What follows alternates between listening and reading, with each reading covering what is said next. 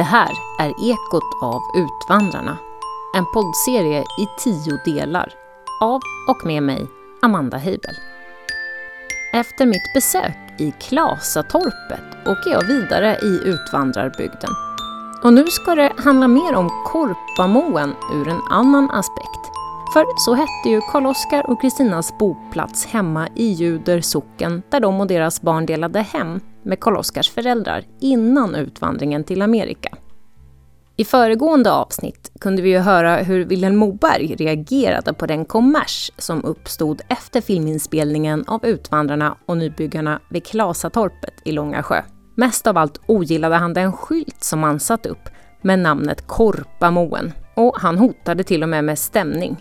Moberg ville inte att någon skulle utnyttja hans uppdiktade namn Korpamoen, som är fiktivt precis som karaktärerna i Utvandrarna. Ändå finns det idag en annan skylt där det står just Korpamoen, inte många kilometer bort från Klasatorpet. Och det kan låta motsägelsefullt, men den skylten leder till en plats där man månat mycket noga om Mobergs inställning. Det är nämligen Korpamoenföreningen som har hand om ett gammaldags torp här. Ett gammalt drängatorp som Moberg själv pekat ut som inspiration till sitt litterära Korpamoen.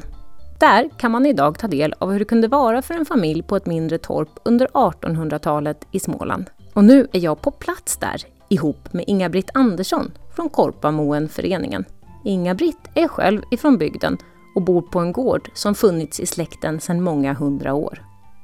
Berätta Inga-Britt om den här platsen vi befinner oss på nu. Ja, det här är ju en förebild till, till utvandrarnas Korpamoen.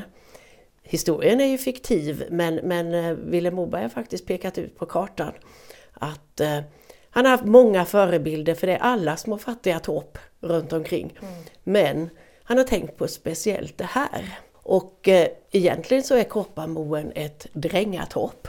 Vad betyder det då? Jo, ett drängatorp? ett drängatorp, det finns ju många olika torp. Det finns drängatorp och det finns soldattorp och så finns det ju egna torp som man ägde själva.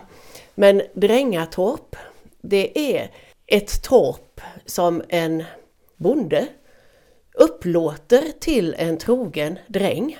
Och sen betalar man då, så, så det är ju storbonden eller bonden som äger stället. Och torparen betalar arrende genom att göra dagsverken hos storbonden. Man betalar av i arbete? Man betalar i arbete. Och då är det oftast bara, precis som här, en liten plätt. ja, för det är par... inte stort, det kan jag säga. Vi har ju gått in här i mörka lilla torpet och mm. det är ju mm. bara några kvadrat här inne på trägolvet vi trampar runt på. Och mm. tittar man ut runt omkring här så är det ju ingen särskilt stor mark heller. Den är lite inringad av, av eh, stenar som är lagda runt omkring. Mm. Stora, stora bumlingar, mer eller mindre. Men det är ingen stor mark? Det, det, är absolut ingen stor mark. Och sen, det var väl så mycket plats så att man kunde ha en ko. Men kon gick ju oftast i skogen och, och, och betade. Så att de två små åkerlapparna som finns hade man säkert för att eh, ta lite vinterfoder till eh, kon och kanske lite havre eller någonting för att kunna göra mjöl. Mm. Så, så säd av något slag. Sen fanns det ju ingen skog på framsidan, här är fullt med björkar. Precis. Och eh, det här var åkermark det här också så att en av de som har ägt det här torpet har varit med och skördat hö här. Jo, av vad, som vad vet idag... man av den verkliga historien om just det här torpet? Hur, hur gammalt är det? Ja, hur gammalt det är kan inte jag säga. Men, men det låg ju under gården Bondeskog som ligger här precis intill. Och eh, de, som bodde här var ju då drängar. Och hos en kvinna som bodde i Bondeskog på den gården så finns det också en bild som vi har fått på en familj som heter familjen Mattsson. De hänger här borta, ja. vi måste titta på det medan du berättar. Och, och, det är ett kort som de har skickat från Amerika. Och de är ju en, två, tre, fyra, fem, sex, sju, åtta, nio stycken. En stor familj. Det är sån här, man tänker sig väldigt eh, väldigt klassisk egentligen gammeldags familjefotografering där man är uppradad och väldigt tjusigt klädda med eh, knäppta antingen kostymer och någon, de har någon krage och man sitter med händerna i knät sådär. eh, ett av, en flicka här som har någon rosett i håret och så ser de ganska allvarsamma ut allihopa. Och, jag skulle tro, de är så finklädda, Mm. jag skulle tro att, att man kan hyra kläder hos fotografen. Just det, man kanske inte ägde Så, den så här det är inte alls säkert. Precis. Men det man skickade hem ville man ju ofta skulle se väldigt bra ut. Men när du säger att de skickar från Amerika, hur kom det sig då? De är emigranter? Ja, de, de har alltså flyttat till Amerika. Jag kan inte säga när de bodde här. Men enligt kvinnan på gården så är det en av dem som har ägt, eller inte ägt men bott här i huset. Det är ju, vi står i farstun, tittar in i det här pyttelilla som jag sa, det är ju inte stort, det är ett pyttelitet torp. Det här är ju liksom ungefär som mitt kök hemma. Ja. eh, om man säger, som Ja. det är i många medelklassfamiljer i Sverige idag. Ett rum och kök. Och som du räknade upp här, nio Ja. i alla spridda åldrar. Ja. Eh, ehm, det är, hur, jag förstår inte ens hur man... Jag, jag tror att eh, det, det, fanns ju, man ens? det fanns ju sängar förmodligen runt allt här. Mm, för nu står det någon sån här liten eh, gammaldags soffa som man kan bädda ner sig i. En kort Ja. person, ett barn kan ju sova men Men, men man låg säkert både skavfötters och man låg eh, vid sidan, alltså vid, vid, att det var sängar hela vägen. Sen tror jag att väldigt tidigt så flyttade många ut för att bli drängar och pigor i andra de kanske familjer. inte var så gamla när de... Nej, de, de var säkert inte mer än en 10-12 år tror jag flickorna när de började som pigor hos en, en bonde. Va? Och då låg man över där Ja, i exakt. pigsoffan istället. Exakt, exakt. Så att, så att här, här är ju... Sen, sen hur gammalt själva huset är, det har jag ingen uppfattning om. Men vilken period eh, levde familjen Mattsson här? Vad kan Jag- man tro att det här ska vara från Ja. sekelskiftet ja, ungefär? jag skulle, eller? jag skulle tänka mig kanske Kan man gissa? Ja. Där kring. att, att det kan vara precis, Mm. precis. Så att, så att torpet har ju varit bebott. Och här finns ju massor, massor med torp eh, runt omkring. Mm. Men, men detta är som sagt lyder under, lydde under bondeskog. Och den här Bondeskog, vad, eh, det, det låter ju mäktigt, du pekar bortåt här. Ja, är jag en gård. pekar, är, pekar det så, en, va? är en gård som Det är en finns gård kvar som är finns kvar, aktiv? absolut. Med jordbruk? Ja. Men inga drängtorp Nej, de och, och de, har de, på? nej, och de har faktiskt Nej, jag, jag, jag, jag, sa fel när jag säger att det är aktivt för att de har sålt av marken Mm. så att det har gått upp i en annan gård. Va? Så i- idag bor det bara en, en högst vanlig familj. Så att, Det- visst där är det har ju förändrats, Det har förändrats så. Mm. otroligt alltså. Hur länge har du funnits med i den här eh, regionen? Jag, jag är född här ute och är född i slutet på 40-talet. Och bodde här då som, ja fram tills jag skulle gå på skola i Växjö. För att när man börjar på gymnasiet så fick jag flytta in till Växjö och bo inackorderad och Mm. Då var jag typ 15 år. Sova i pigsoffa i veckan? Ja precis, i, i, det var en väldigt rolig tid. Det var en, väldigt, det var en fantastisk tid. Men, men eh, jag har mitt, min själ och hjärta här ute även om jag har bott i Växjö. I, i, egentligen hela mitt vuxna liv men flyttat tillbaka på, nu på 2000-talet. Vad har du upplevt då för just förändring och utveckling även om du eh, eh kom till jorden på ja, nästan framåtskiftet mot 50-tal då så det har ju skett en otrolig utveckling i världen och ute i socknar på det här sättet också sedan dess och fram till idag. Ja, alltså det är en otrolig skillnad från jag, när jag var barn. För då, då var ju allting väldigt handdrivet här ute och man hade hästar. Det fanns väl de som hade traktorer också men, men mycket av skörd och så vidare det hade man ju med häst och vagn. Och, eh, alla, hade, alla i vår by hade kor. Och idag är det en som har kor och alla andra jobbar på annat sätt. Så att, så att då försörjde gårdarna faktiskt sin familj med, med att man skickade mjölk och, och då var inte skogen det som var det viktiga utan det var faktiskt jordbruksmarken. Den, den var mer värdefull än skogen och idag är det ju tvärtom. Idag är det skogen som är det värdefulla och inte marken. Vi ska återkomma till det där med jordbruksmarken för man pratar om stenrike som Moberg ofta återkommer till just eh, och skildrat ur Karl-Oskar och Kristina. Så jag tycker det är väldigt intressant och det blir så påtagligt när man åker runt här hur mycket sten det Verkligen. är. Och när man pratar Verkligen. om jordbruksmarken, hur, det, Ja. hur man ens har kunnat bruka marken här. Eh, Men vi ska återkomma lite grann till det. Eh, vad vet man om hur livet såg ut för till exempel den här familjen Mattsson som har bott just i det här torpet? Man, man kan ju då föreställa sig att en familj bor här och lever utan vatten och utan el, alltså utan rinnande vatten. Vi måste Man- titta samtidigt som du berättar precis bakom Ja. dörren här, för här är ju det här lilla, lilla pentryt. Här är, lilla här är ett litet, litet kök. Ja. Och, och här får ju absolut inte rum att sitta nio personer vid ett bord. Och det, det var ju på den tiden så tror jag aldrig att frun i huset, kvinnan, hon satt inte när de andra åt utan hon servade och stod för maten och lagade.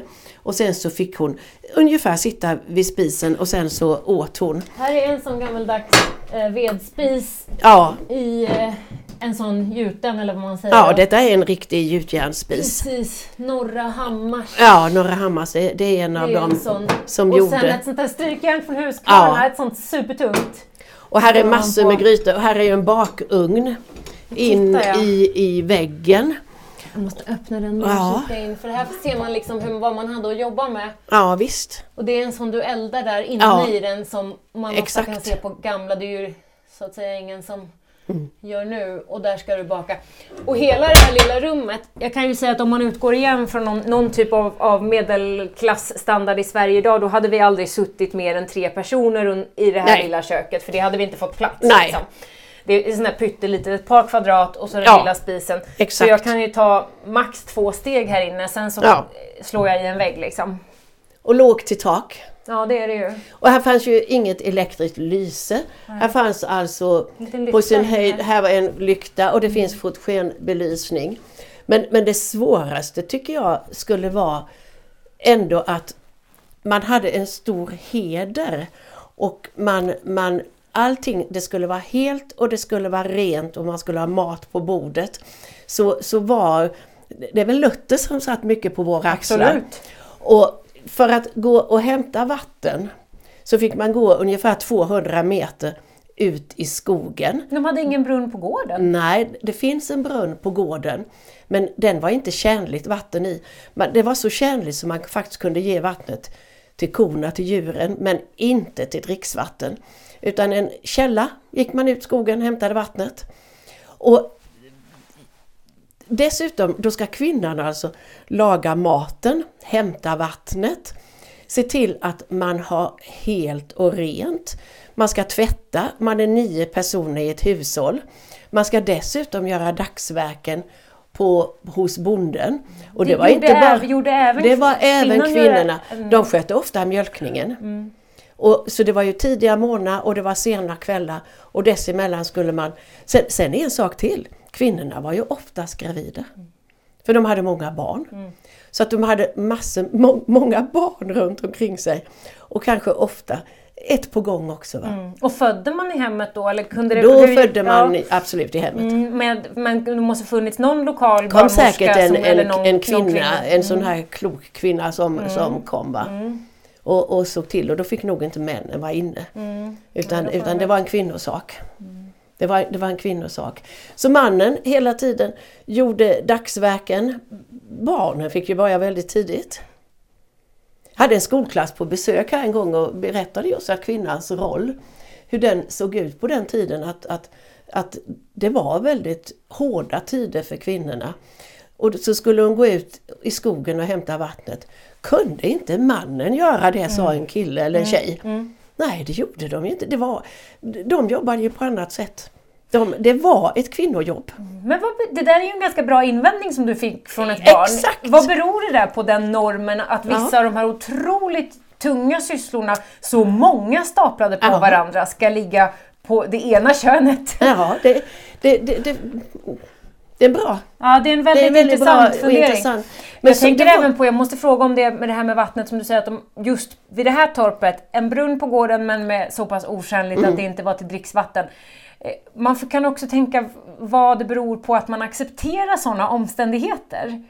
Du tänker på hur, hur kunde vi bo här i stenriket eller hur tänker Dels du? så överhuvudtaget, Ja. men sen tänker jag att det ändå finns en gård och det här är ett av drängtorpen. Eh, utan att veta något om vilka individer som drev det där, men jag menar var det, var det acceptabel omständighet på ett drängtorp? Att, annars kunde man tänka sig så att ett minimum i den här lilla stugan skulle vara att det finns tillgång till, till en brunn med dricksvatten om du förstår. Jag förstår precis hur du tänker. Jag, jag tror att man Nu, nu tror jag. Ja, ja, det här är, jag förstår, detta det är hypotetiskt, men, men man hypotetiskt. undrar ju. Men jag tror att man var så nöjd med att få ha ett eget boende. Ja. Att få rå om ett eget ställe, att få ha sitt eget och inte bo eh, så att säga hos någon annan. Att det uppvägde så mycket. Och man, man hade, jag tror att kraven var så mycket mindre på den tiden. Och att, att man, man, man såg upp till överhögheten på ett sätt som vi inte heller gör idag. Det är svårt för oss att leva sig ju, in i, för det sen vet vi att protesterna kom så småningom Mm. på, på många sätt va? och att det blev bättre och bättre. Ja, för Men- det här är ju fasen strax Ja. innan det blir en tydligare demokratisering, Exakt, innan exakt. kvinnlig rösträttsrörelse rör sig liksom upp i norra Europa. Jag tänker direkt på en av i, i, i librettot med sångtexterna från just musikalen Kristina från Duvemåla eftersom jag eh, lever så mycket med den. Då sjunger de när de ska få gifta sig äntligen, Karl-Oskar och Kristina, kommer hela Att han har egen gård och blir sin egen herre, Ja, blir en husbondes dräng. Och det är ju liksom Karl-Oskars stora lycka. Exakt. Att nu, det, allt är komplett redan. Ja. För att han slipper den här överheten Ja. och då ska de ju ändå in vid, i hans föräldrahem och de ska Exakt. vara på undantag där, Yes. mor och far. Och Så- även, det, även det, det drar jag mig också till minnes utifrån de här karaktärerna om vi tänker det här som Korpa Moen hur de, eh, i den historien så skildras lite grann det här generationsboendet också. För Kristina som karaktär har ganska svårt med sin svärmor Mm. och vice versa. Hon betraktas ju lite som, hon vill gunga i sin repgunga hela tiden och det är liksom, gan- hon är, romantiserar rätt Mm. Ja. mycket det här livet. Och hon, äl, äldre modern där kämpar ju på Ja, och står i. och Hon fortsätter ju på det här viset med alla de här tunga sysslorna som du räknar upp. Så jag kan se henne här Mm. Ja. eh, i den här miljön medan Kristina kanske inte hugger i så mycket som alla hade önskat dem i början. Sen Nej, är det ju det- tungt för henne med, men det, det- finns den här kontrasten mellan dem, mellan generationerna ändå. Ja, visst. Och den, den fanns ju. Och det, det var ju många på den tiden som kom där, där den äldre kvinnan bestämde över den unga kvinnan. Så att det var nog inte så lätt för den unga kvinnan att komma till, till sin mans familj, för det var ju alltid så det var. Det var ju inte mannen som kom till kvinnans familj utan det, var, det var ju kvinnan som, oftast i alla fall, som kom till, till mannens. Och nej, det var, det var nog ett tufft liv. Sen, sen tänker jag så här, då, då ska man göra dagsverkarna, tänk en sån här liten stuga på vintern. I, idag är det kallt men solen skiner i alla Ja, fall det och det är ljust. Det är våren då när vi Ja, är här, men, men, det är kallt tänk ändå. när Vi står ju höst- med jacka och... när, när höststormarna kommer och det är mörkt inne. Det blir ju mörkt klockan tre på eftermiddagen och de hade ingen lyse egentligen med fotogenlampor och, och ljus. Och det här, vad gör man? I skildringarna sitter de ju då ofta, till exempel, jag, jag tänker Kristina igen då, om hon är i köket. Då får hon kanske sitta nära sen när är, alla har fått sin utfodringen är klar så Ja. Och så får de sitta och laga och lappa och sticka och sy, Exakt. inte i spisen Ja, kanske, precis. eller med lilla fotogenlampan. Men det är ju inte mycket ljus man Nej. har att samlas Nej. kring. Och man är ju så tätt inpå varandra. Om man Ja, tänker ja, hur vi lever nu med det här att jag behöver eget, jag behöver space, jag och barnen ska ha eget rum. Och att vi tar det ju ganska mycket för givet. Men det finns ju ingenting som säger att det där behovet av att få vara i fred ibland inte fanns hos människor då. Det, fann, det fanns säkert då också. Men det är också en reflektion som jag har fått från skolklasser. Så Det är väldigt roligt att ta emot skolklasser här. Att de, de säger så här, ja det var inte tal om att ha eget rum. Nej. Här fick man inte ens ha egen säng. Så det, det, det är rätt eh, talande hur tiden ändå har ändrats. Och nu pratar vi om egentligen förra sekelskiftet och Det är ju slutet inte på så 1800 lång tid, Nej, det faktiskt. är inte det. Och var, var saker har utvecklats. Verkligen. Jag måste, har du någon särskild mer av alla? För det är så många redskap och verktyg. Vad har vi uppe på spiselhällen till exempel? Det står en massa där. Den, den här tycker jag jättemycket om. Vad är det för Och det, det är alltså ett... eh, Förlåt men det ser ut som att du håller, tänk, tänk dig stor som en glöggmugg skulle jag säga. Ja, Som precis. du håller i med ett litet handtag. Ja. Men den har ingen botten utan det är hål rakt igenom Ja. som om glöggen skulle rinna ut i botten. Ja. Men vad är det för något? Och det, det är gjort av ett kohorn. Så det är alltså ett kohorn. Okej. Och så är det satt på ett litet metallskaft på den. Och detta, detta använde man alltså när man stoppade korv. Korven ska ge Man, man, man, fjälster använde man ju. Och sen så kunde man stoppa i köttet där i och så får man ut korven här. Otroligt. Och ja, det, det, det, man, man, kan säga så här att de hittade ju på och kom på det de behövde. Stor uppfinningsrikedom. Det gick inte att köpa. Mm. Det finns inte. Utan det, då gjorde man den själv. Men det, jag måste bara slänga in en, en tanke som slår mig då. Det är någonting som är så, när du visar den där, för den är det är en finurlig sak, det är någonting man behöver. Vi tar kohorn, vi skapar och ett litet handtag i metall på, skruvat. Det är ju ett hantverk Absolut. såklart. Och korvstoppningen måste varit ett hantverk Ja, också. ja. Och så vidare. Och samtidigt så lever man med det här helt, liksom med otjänliga vattnet, med Mm. alla de här helt hopplösa omständigheterna. Din, Men det fanns den en- kontrasten är så... Det, det fanns en försörjnings... Alltså, man, man, man var tvungen att göra saker själv. Och komma på saker själv. Man kunde inte åka och handla för det fanns inte att köpa. Och man hade ju inga pengar heller. Utan, utan det man behövde, då var man klurig. Man var klurig och man hittade på. Tänk den som hittar på det kommer in till, till, till husmor och säger Nu har jag gjort ett hjälpmedel till dig. Ja. Det är fantastiskt. Ja.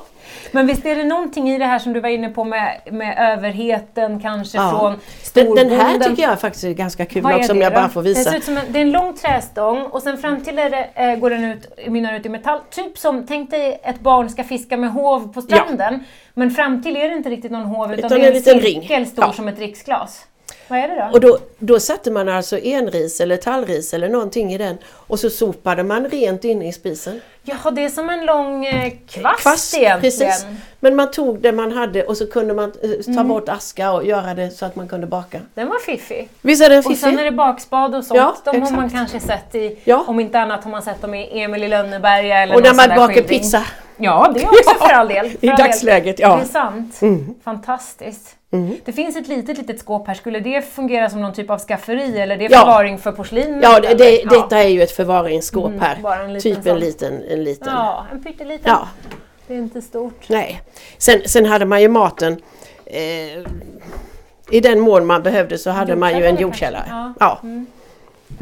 Ja, otroligt. Och den här då, eh, eh, vad, vad kallas det? Detta är ju ett ok. Ett ok säger man ja, precis.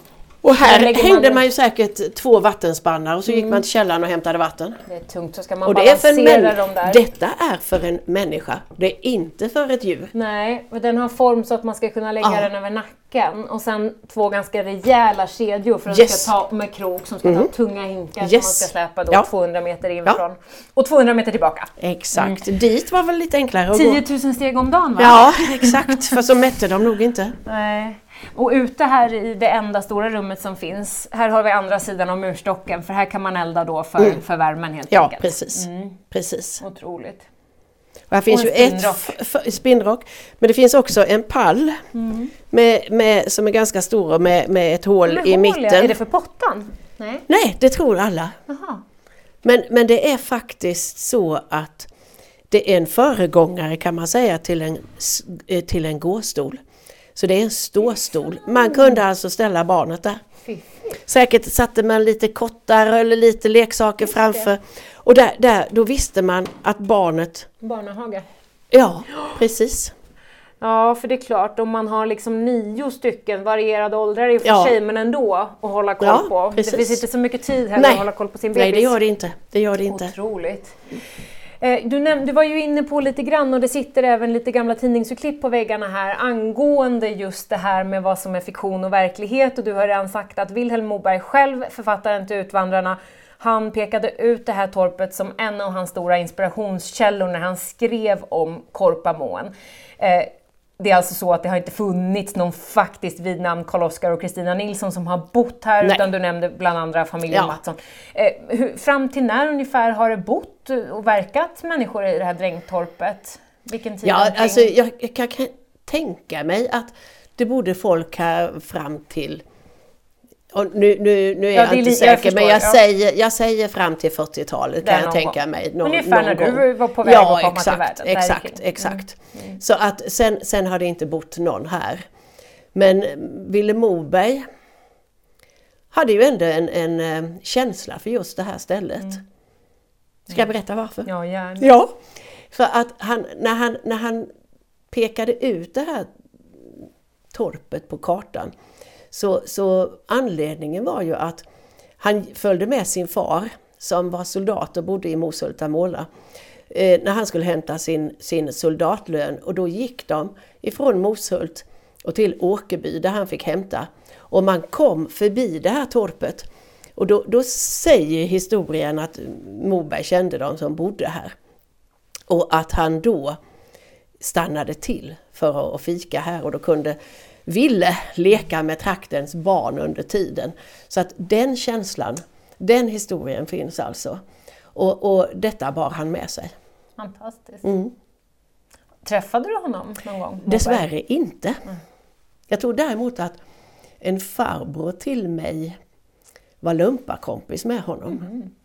Mm. Men jag tror, jag, jag tror, inte att min pappa träffade honom heller. Men eh, han, han, man såg upp till Moberg i vår familj och i, i, vårt hem. Så att det har alltid varit en positiv känsla kring, kring Ville Moberg och eh, hans verk i, i, eh, i våra trakter. Det var, ju, det var ju lite värre borta i Algusboda ett tag. Ja, hur, eh, vad vet man om det egentligen? Det har inte varit enbart positiva? Nej, det var det, var det inte. Utan, och det var ju mycket att man tyckte att språket han använde var alldeles för vulgärt. Mm. Och, att, eh, det var, och det var ju då prästerna. Så det finns ju en skriftsamling, en skriftväxling mellan en präst i Algusboda och Ville Moberg. Som, eh, den finns, den har ju faktiskt Ingrid Nättervik, ordförande mm, i Ville Mobergssällskapet. Mm. Exakt! Mm. Hon, hon, har publicerat den så att den, den är ju intressant och man om jag kommer ihåg rätt så, så brände man, ja, ja nu ska jag låta vara osagt men, men, eh, men det, det var ju han var inte populär. Nej, Nej jag förstår. Och det är det här Just vad gäller utvandrareposet ja. med byhoran Ulrika i Västergöl ja. och hennes språkbruk ja. där ju har påståtts då mycket från kyrkan ja. och så vidare att, Precis. att så där, det där här aldrig, ingen har någonsin uttryckt sig på de här sätten. Nej. De här orden förekommer inte i våra socknar och så Nej, vidare. och det gjorde de. Ja, naturligtvis. Ja. För det gör de ju i, hos alla människor. Det liksom. vet väl vi. Det var väl, det var väl vulgärt språk Kanske inte i kyrkan men, men det fanns ju ett liv utanför kyrkan. Ja exakt, ja. exakt. Ska vi röra oss ut lite ja. grann? Fantastiskt.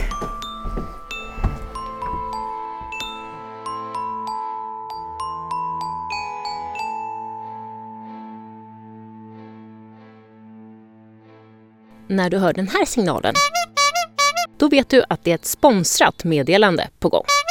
Emmaboda kommun sponsrar den här poddserien och det är jag så oändligt glad över. De är en av arrangörerna bakom En dag med Moberg. Och 2022 när den här poddserien görs, då fick jag äran att livepodda där inför publik. Och hur det lät, det kan du höra lite längre fram i den här serien. Men Emmaboda kommun, som för övrigt fick utmärkelsen Årets kulturkommun 2022, och det är liksom ingen enkel sak att få kan jag säga, de är också en av aktörerna bakom webbplatsen wilhelmmoberg.se och där tycker jag att du ska titta in. Då kommer du kunna läsa mer både om Korpamoenföreningen och en rad andra besöksmål runt om i utvandrarbygden. Det spelar ingen roll om du är nybörjare eller om du är lite mer initierad och ändå vill åka runt i trakten eller läsa mer om Moberg och de platser där han levde och verkade under sin ungdom eller som han har skrivit om i sin litteratur. Ta en titt, låt dig inspireras, läs böckerna och besök de här platserna. Kolla in på vilhelmoberg.se och Emma Boda kommun, tack och ännu mera tack!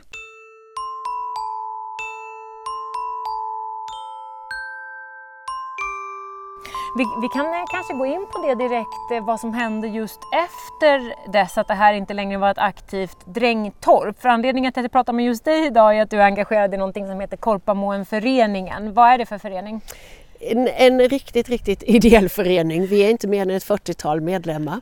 Men det fanns alltså eldsjälar som startade den här föreningen på 70-talet för att både bevara minnet av Ville Moberg och hans skrifter och att kunna, kunna visualisera det och göra det så att tydligare, hur levde man på den tiden?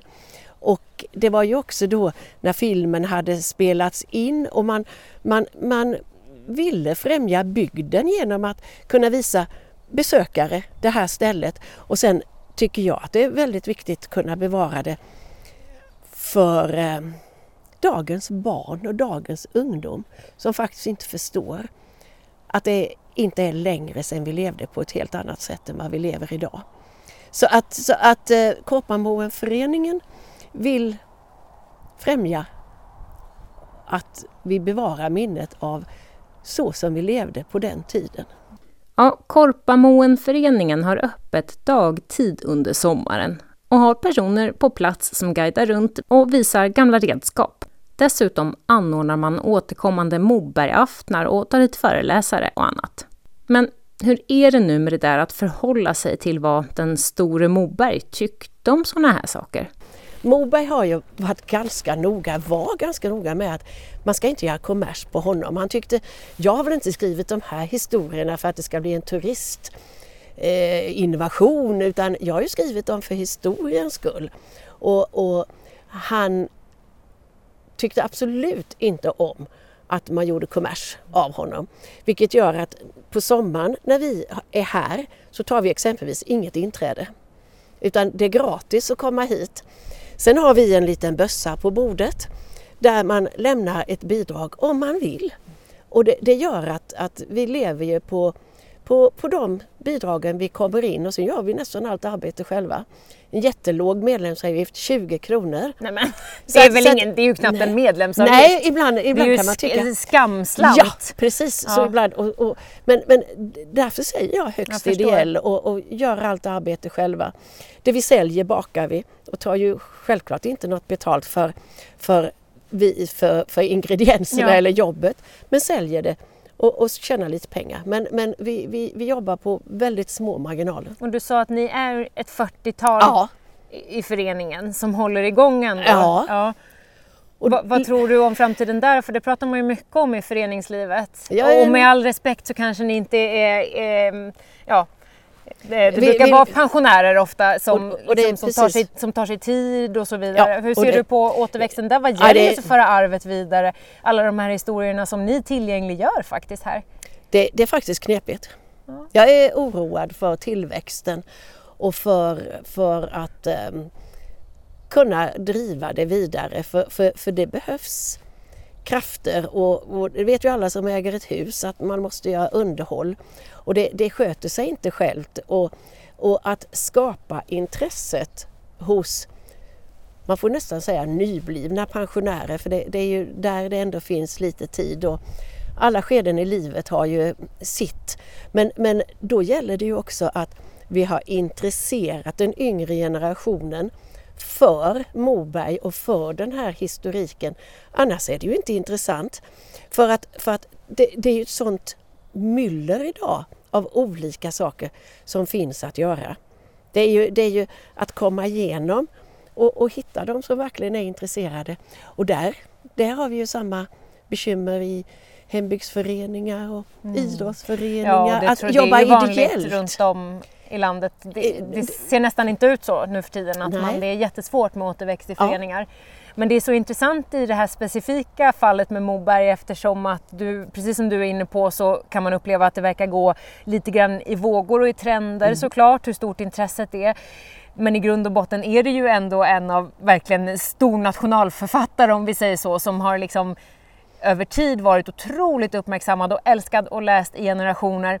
Ehm, så det finns ju en potential ja, att verkligen ja. lära av den här bygden. Men det, men det gäller säkert att skolorna är med och att, att man lyfter fram Moberg som författare.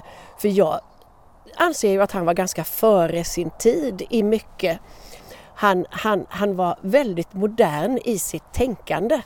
Och att han Kristina gör han ju ett porträtt av som som, eh, det, det, är ju inte så att han ser ner på henne utan tvärtom så högaktar han och det, det, sägs väl att det är hans mor eller mormor som är förebild för Kristina. Och du kan se på Raskens Ida, han, han gjorde kvinnorna starka. Naturligtvis finns ett äppelträd planterat på gården utanför torpet. En astrakan, som ju är Kristinas favoritäpplen från hembygden och som Karl Oskar senare ser till att de kan plantera vid den nya boplatsen i Amerika. Som en tröst för Kristina som lider av stor hemlängtan. Astrakanen hörde ju egentligen inte hemma på Korpamoen mm. utan den hörde ju hemma i Duvemåla. Men, men eh, Duvemåla handelsträdgård tog fram så att, så att vi kunde köpa en astrakan och du ser att den håller på att gå i knopp nu. Jättevackert, men den är ju inte så gammal den här. Den planterade vi, ja det var när jag hade blivit ordförande i den här föreningen, mm. som ett minne faktiskt och eh, för alla eldsjälar som hade sett till att vi eh, fick den här platsen och att vi eh, då kan bevara den för framtiden. Fantastiskt! Så att istället för att nämna någon och säga att så sa vi att den här är för alla eldsjälar som har varit med och skapat Korpamoen. Och, och då, det är så fint tycker jag det här eh, citatet. Kan du inte läsa upp det? Det står jo, här. Jo, eh, då är det så här hennes sista ord på dödsbädden. Astrakanen var ju länken till hennes hemtrakter, vilka hon i tankarna aldrig hade lämnat och på vilka vi som verkar och vistas här ser med hennes ögon. Och eh, det, det, var alltså nu är äpplena mogna, jag är hemma. Mm. Hon dör nu, ju i princip ja. med, hon går bort i princip med en tugga ja, i munnen av nu, smaken nu av sin barndom. Och då trodde hon att hon var hemma. Det är vackert. Ja, det, det, Vilken fin det installation här vid torpet. Ja, det tycker jag också. Jättefint. Bakom oss här då, för där borta är den där otjänliga brunnen va? Ja, och precis. jordkällare. Och jordkällaren.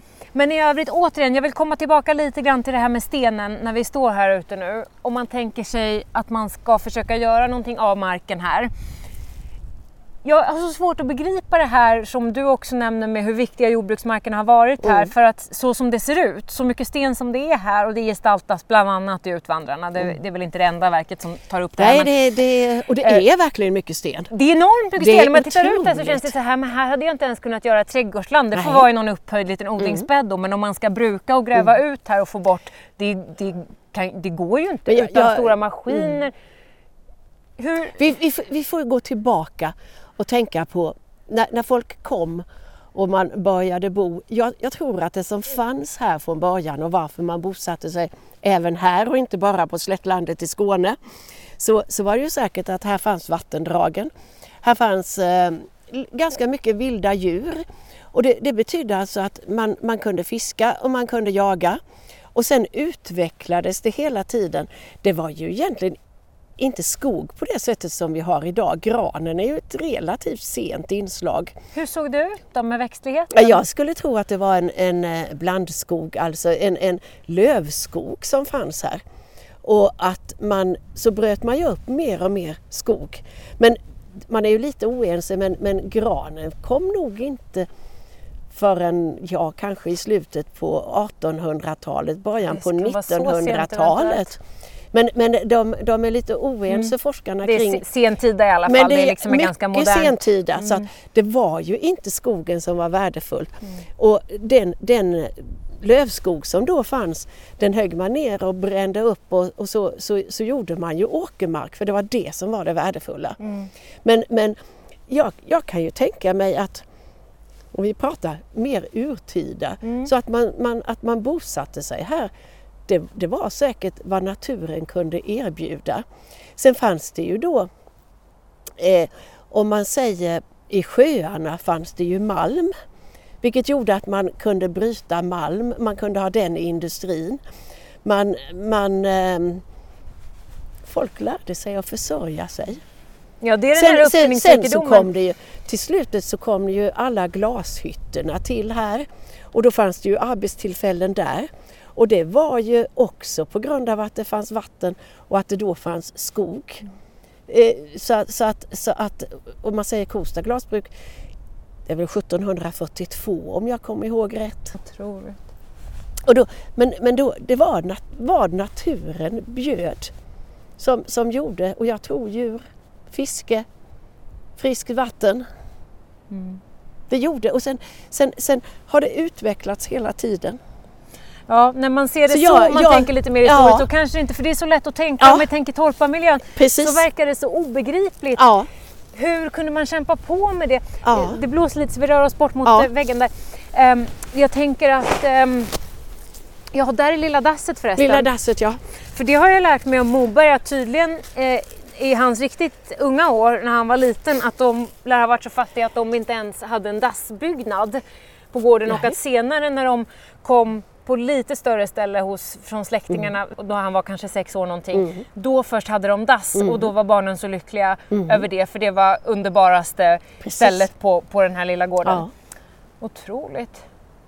Jag hade inte toalett inne när jag var liten. Är det sant? Ja. Född 49? Ja, Oj, men vi- var det representativt ja då? det var det. Vi var först i vår by att sätta in Är det sant? Typ, typ 55 satte vi in det. Är det sant? Du minns det när den kom in? Ja. Så du är liksom lite som Vilhelm Moberg där, att du Jajamän. minns det här när det blev Jajamän. toaletten Ja, kom liksom Precis. till... Otroligt! Och det, det, det fanns ju de som... Eh, ja, vi var först i byn med att, ha det. Wow, det var- det var ja, det hade jag inte gissat. Men vi hade, vi hade alltså i skolan, jag gick ju i skola i Kråksjö och Ljuder. Kråkesjöns dunkla vatten som de skriver precis, om. i- Ja. Precis. Eh, vi hade inte toalett i skolan Nej. utan vi hade ju utedass, ett för pojkar, ett för flickor. Hmm. Så det var, det var inget konstigt. Nej. Det var, det var inget konstigt. Nej. Och Nej, det är tänk- för mig tänk som är född på Ja 90-talet är det precis, precis. Men, Och tänk i Stockholm, ja. hur, hur länge var det inte att husen på Söder hade toa ute? Nej, så var Stora, det ju på, så- på, så att- små, på de här Ja, små visst, innergårdarna. precis. och, mm, mm. och det, då kan man ju säga, tänk vad det har förändrats. Ja, det är svårt att ta in eftersom det inte, Ja. det är på ett sätt lång tid men det är ju inte så lång tid. Jag brukar Nej. försöka tänka ibland när man just förflyttar sig i tanken mellan generationerna. Ja, men mina föräldrar ja, och sen Ja. mormor, jag har också släkt då i norra Skåne, nu har mormor gått bort men hennes stor, och sån här stor syskonskara med jordbruk, 12 barn i den Ja. Mm. familjen. Då är vi liksom, det är min mormors uppväxt, så går man något steg till och det är ju liksom inte så många Nej. steg egentligen och hur de levde. Så det blir lite samma här Ja. fast det mm, Ja, det, det, det, det kommer... det är liksom närmare vad man tror Det är på ett sätt. Det är så lätt att gå tror. föreställa sig.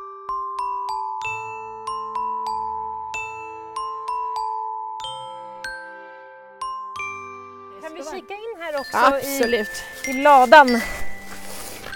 Den är inte så stor den heller för att den är något, Ska vi se om de har... något större än...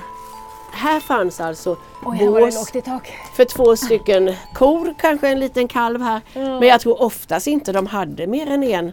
Nej, det kan En- inte fått plats mycket en- mer för det var nej. väldigt litet här inne. Precis, och sen här har du ett ok som är till för hästar. Då så, eller eh, eh, oxar. En oxe. Hästar hade man ju inte. Nej, inte alls. Nej, ut, inte, inte. Det kom lite senare kanske? Eller? ja visst. Det inte på ett torp på i alla typ- fall. Nej, precis. Inte på ett torp. Så det här oket som hänger här, för den är ju mycket bredare än den vi såg Ja. inne. Och det är till oxen. Och sen Och hänger är- lite småredskap på. Det var Ja, detta korg. är, det är en munkorg. Ja, det är till oxen. Ja. Jaha, så man, och vad, då ser man hur stor hela Mhm. mulen är på dem. Säger man mule på en oxe? ja, det tror jag. Jag blir osäker. Ja, det tror jag. Får klippa bort. Jo, mu- mu- mule. Jo, det gör man sådär. Ja, Ja. Och sen har vi... då kliver vi in. Jaha, och här inne, Jag måste öppna. det är så mörkt. Jag öppnar Men lågt i ta vid. Ja. Vi är inte överdrivet långa varken du eller jag, men Nej. det är man, knappt att man kan stå rakt fram. Här är lite högre. Så finns det ett antal redskap. Nej, Trä, trähögafflar. Ja, oj. Det här är ett hackelseverk där man kunde hugga ner eh, halmen och Jaha. bli ströe. Jaha, Men det är så en av de när man har hemskaste. slagit halm så ska den liksom kortas ner Ja, så de, precis. så att den går att Nu ska vi se, jag har någonting. Det här undrar jag om du vet vad det är? Eh, nu ska vi se, det här blir svårt att gissa. Nu har du egentligen en, ett par decimeter lång trä eh, pinne som breddas lite fram till med ett hål rakt igenom som om någon hade skruvat en enorm tjock skruv. Skruv. Men jag vet inte alls. Du slår ner så, är det något som ska... Och så använder man denna. Oj, det är en gigantisk trähammare får man Ja. säga då, eller en klubba. En klubba. Liksom. En klubba. Och detta, detta är alltså en slaktmask. Va? Och det betyder ju att det var den man bedövade grisen med när man skulle slakta. Så, och sen efter det så stack man ju den, så den var ju inte, den var ju bedövad. Man, man, Hur då? jo du tar den Ja. och så slår du på den så, på rätt huvudet, i eller? huvudet med den. Men fy. Ja men det var ju ändå Ja, ja, det är Det var ju säkert ändå skonsamt, mänskligt. men det, det låter ju alltid brutalt. Men det är nog Absolut. mer mänskligt än många andra slaktmetoder. exakt. får jag känna Tjo. mot min panna här och Ja. då så skulle du komma med klubban och Yes. så, då skulle det inte bli någon mer intervju. Nej, precis. Så jag lägger undan den. Ja, tack. Skönt.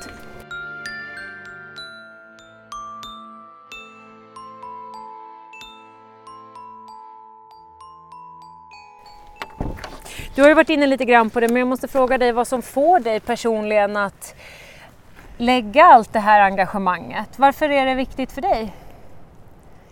Ja, det är nog känslan för hembygden. Känslan för historien kring att så här var det. Att kunna föra det vidare till andra generationer. Att eh, eh vår historia är viktig. Och jag tror att vår historia är viktig för vår framtid. Att, att eh, kan du inte din historia så, så, har, så, så är det svårt att skapa framtiden. Och se vilken otrolig utveckling det har blivit. Sen finns det alltid en annan sida och det, det är ju en gemenskap. När man, när man gör saker tillsammans så både lär man sig saker hela tiden och det tillför. Så att, så att, eh, att jobba tillsammans med ett syfte är ju stimulerande. Jag blir lite berörd när du säger det. För jag kan uppleva att just den aspekten så ofta går förlorad när man ska prata om och jag är själv en av dem som kanske kan känna att "Åh, nej men jag kan inte vara med i en till förening eller vad det nu är. Det är väldigt lätt att dra sig för det för så som många av liksom, livet ser ut för många av oss, hur privilegierad man än är, att mycket stress tränger sig på och man klarar kanske inte av hur mycket som helst utöver det som är arbete och, och familjeliv. Men det är någonting som så lätt försvinner i det där och det är exakt det som du är inne på nu. Behållningen man har av gemenskapen. Och den, den, den, den tror jag är jätteviktig. Och jag, det- det handlar ju också om att ju, en människa som är mycket upptagen är ju oftast med i ändå mer. Så man ska fråga någon så ska man fråga någon som är med mycket. För de har ett intresse och en vilja att, att, att eh, vara med i en gemenskap. Men är det inte också så som man, som man ibland eh, riskerar att ta koll på eldsjälarna? Att, att har man ett engagemang i något så förväntar sig alla att du ska ha ett engagemang i alla, i både hembygdsförening och i idrotts eh, och, och allting liksom. Ja, det, det gäller ju att, att eh, kunna säga nej. Kan du det då? Ja, det, det, det kan jag. Ja. Det, det kan jag faktiskt. Du är en inspiration. Ja, att, att, att känna att jag vill ju hellre göra någonting riktigt än att inte åka med det och göra det hafsigt. Och då, när, då, då, då lär man nog ändå känna att nej, nu klarar jag inte mer. Efter besöket på torpet hoppar jag och Inga-Britt in i bilen för att köra vidare bara någon minut längre bort. För där ligger en annan viktig plats som jag gärna vill se.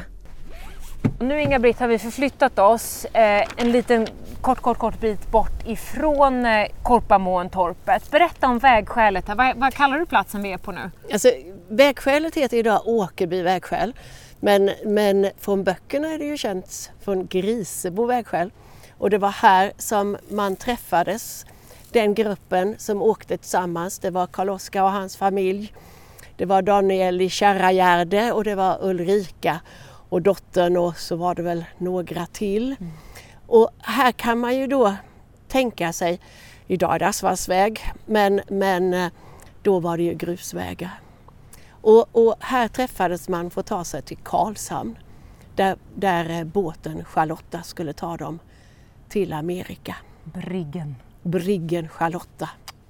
Hur långt bort? Hur, må- hur många kilometer Ja, alltså det- om vi det- hade fortsatt ner på vägen här nu? Ja, om- om vi nu hade kört den här vägen till Karlshamn så hade man kört den med bil på en timme. Lätt som en plätt om man säger så.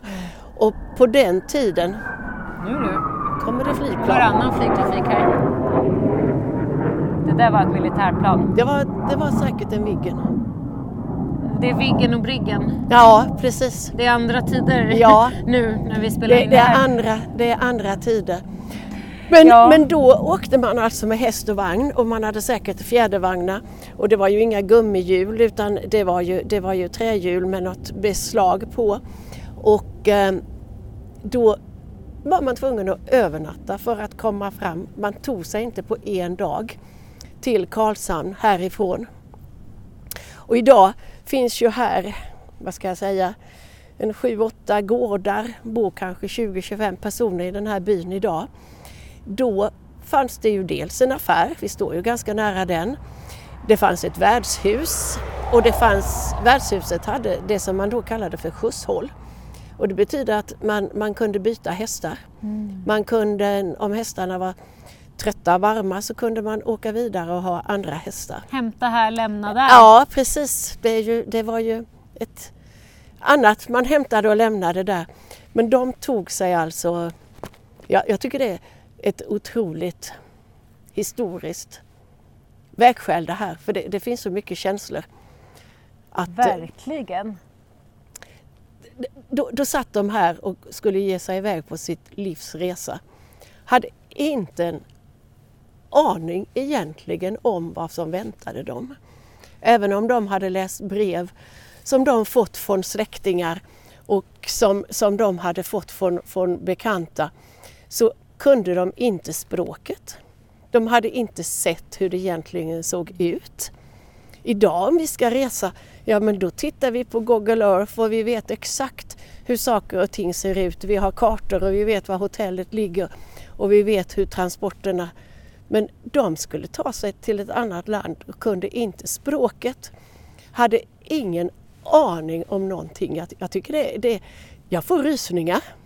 Ja, det väcker verkligen känslor ja. bara man försöker leva sig in i ja. det där. Och, och tänk här och sitta här, vinka adjö, säga adjö till sina föräldrar och till, till eh, anhöriga och veta att jag får nog aldrig se dem mer.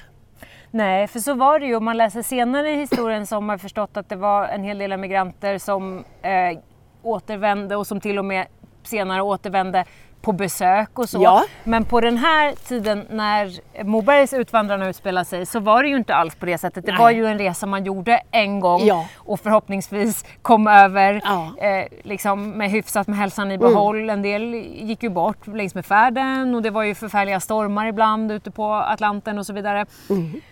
Eh, men kommer man över så kommer man ju inte tillbaka. Nej. Och det där är ju så, så, otroligt, precis det du är inne på, är ju så mm. starkt skildrat mm. i, inte minst i just Kristinas karaktär som vi varit inne på precis. och hennes otroliga vånda över att lämna. Ja. Eh, som hon ju sen lever med som vi var inne på. Ja, med, hela, hela, ja. hela livet. Mm. Mm. Nej, här, här är... Här, här, man, man, kan ju också, fråga som jag ofta får är så här, vilka var det som lämnade egentligen? Vilka är det som lämnade? Och då vill jag påstå att det fanns från hela samhällsskiktet. För det fanns ju drängar, pigor och det fanns även de som hade gårdar. Men gårdarna kunde ju inte delas så mycket mer så att man klarade inte försörjningen. Men jag tror att alla hade en egenskap gemensamt och det var att de var modiga. Alltså, du gör inte den resan om du inte är modig och om du inte har en oerhört stark vilja att tro att jag kommer få det bättre, jag kommer kunna försörja min familj. Att det var den känslan som, som bidrog till att man vågade åka. Men var du det minsta rädd så, så gjorde du inte det. Och det var ju väldigt många, det vet vi att det var väldigt många från hela i andra delar av Sverige också som utvandrade men inte minst härifrån. Alltså, ja. hur, kan man sätta det i något perspektiv ungefär hur många som ja. försvann från socknarna ja, det, här det, där vi är nu? Det kan man faktiskt. För att på den tiden så bodde det drygt 2000 personer i Jude socken pratar jag om då. Mm. Och Juder var ju socknen och, som i boken, ja, det är ju precis, därifrån Karl-Oskar och Kristina är, det är den. Och över tusen personer utvandrade så att halva socknen försvann. Det är ju nästan ofattbart, under varannan ett, människa. Under en, en period på typ 40-50 eh, år så mm. försvann alltså, och då, då var det, vill jag påstå, många kreativa, duktiga, järva, företagsamma människor som försvann.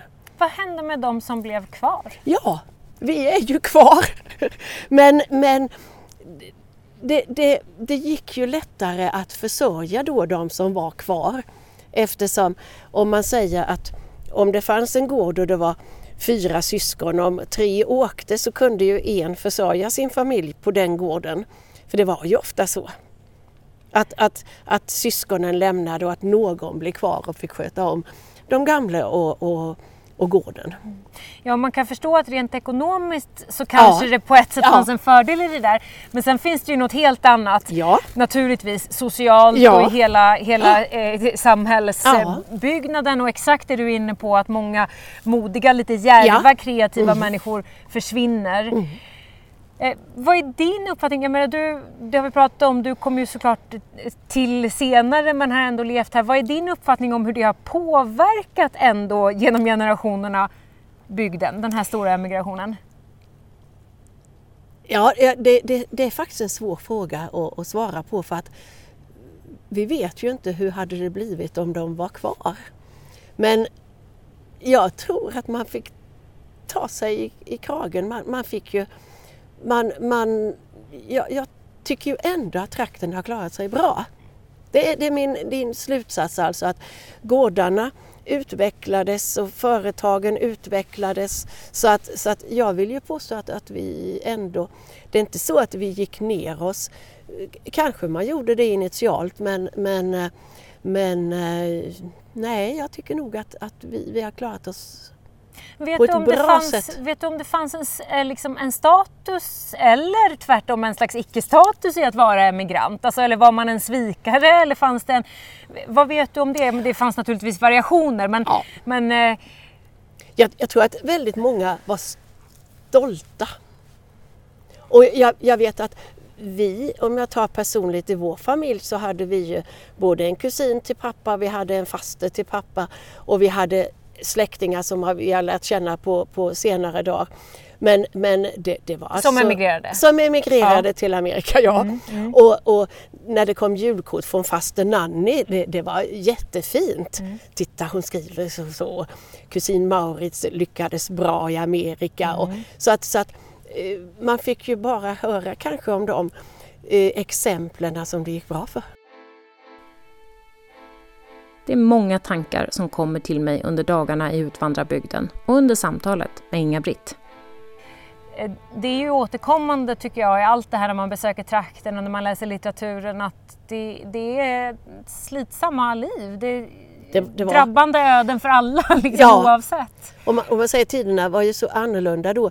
Då var det ju fysiskt hårt liv att eh, försörja sig. Idag är ju livet hårt på ett annat sätt. Med, med helt andra krav och en helt annan stress. Och, eh, det, det, det finns så mycket som splittrar idag. Då, då, då, jag ska absolut inte säga att livet var bättre för det, det tror jag inte att det var men det var väldigt annorlunda. Det var väldigt annorlunda på gott och på Mm. ont. Mm. Mm.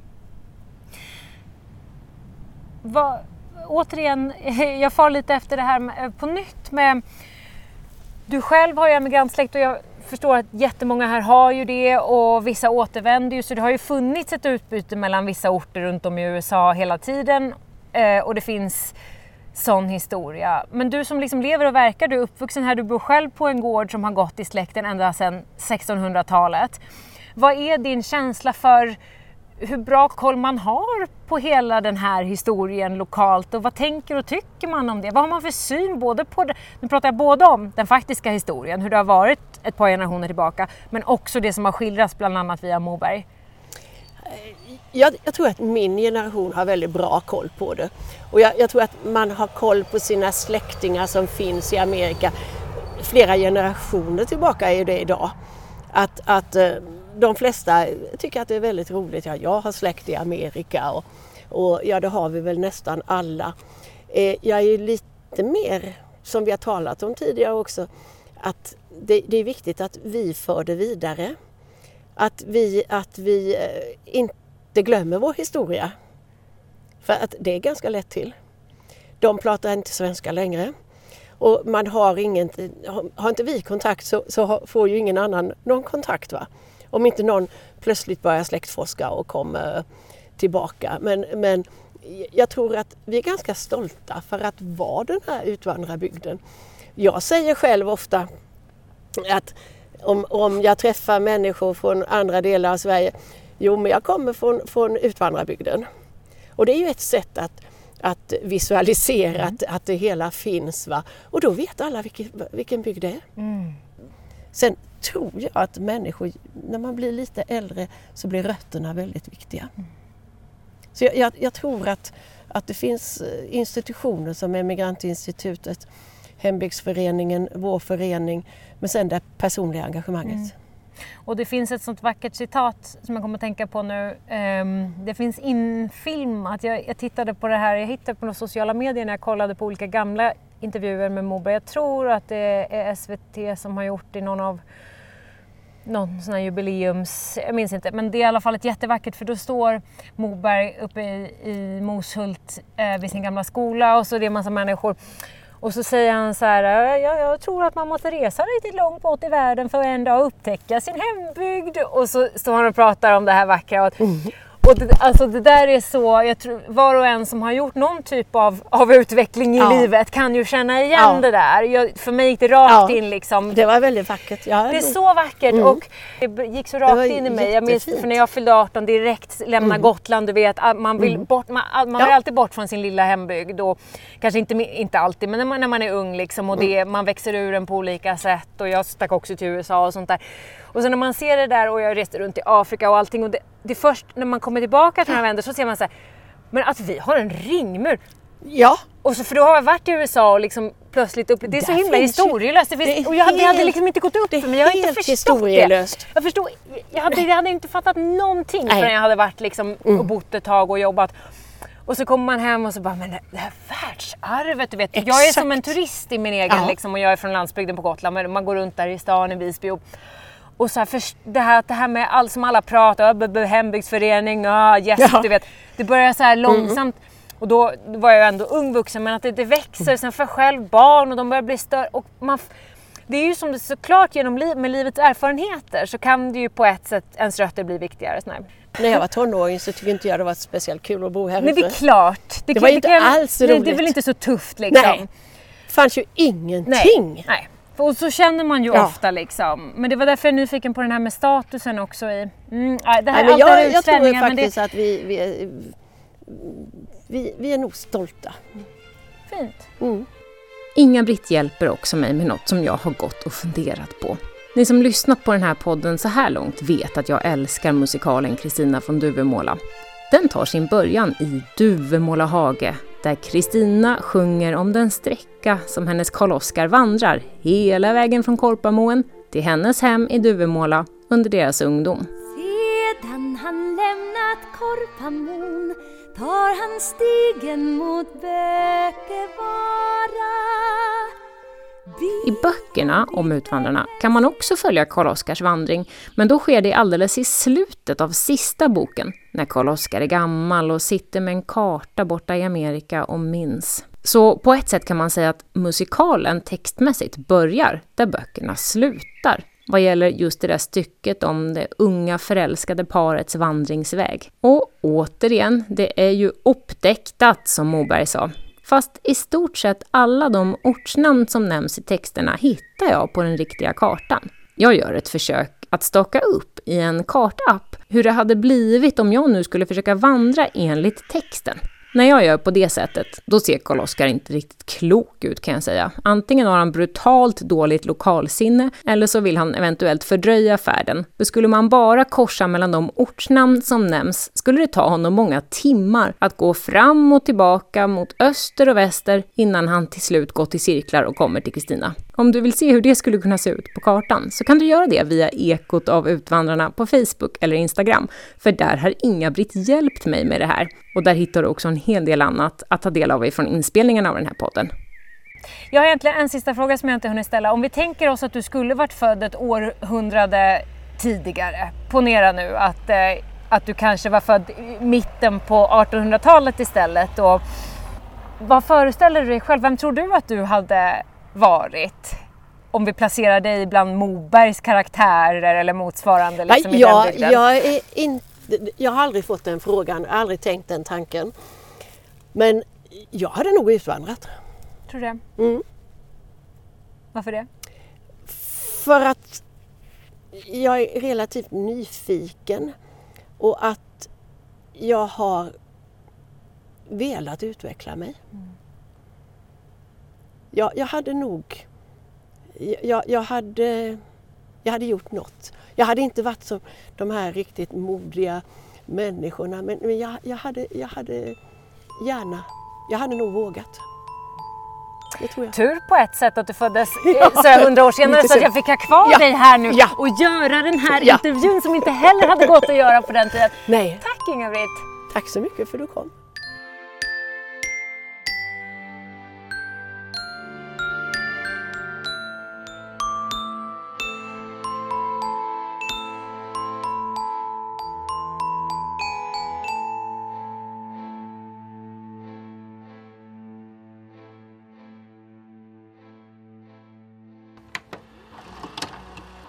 Du har lyssnat på en produktion från Moxie Media.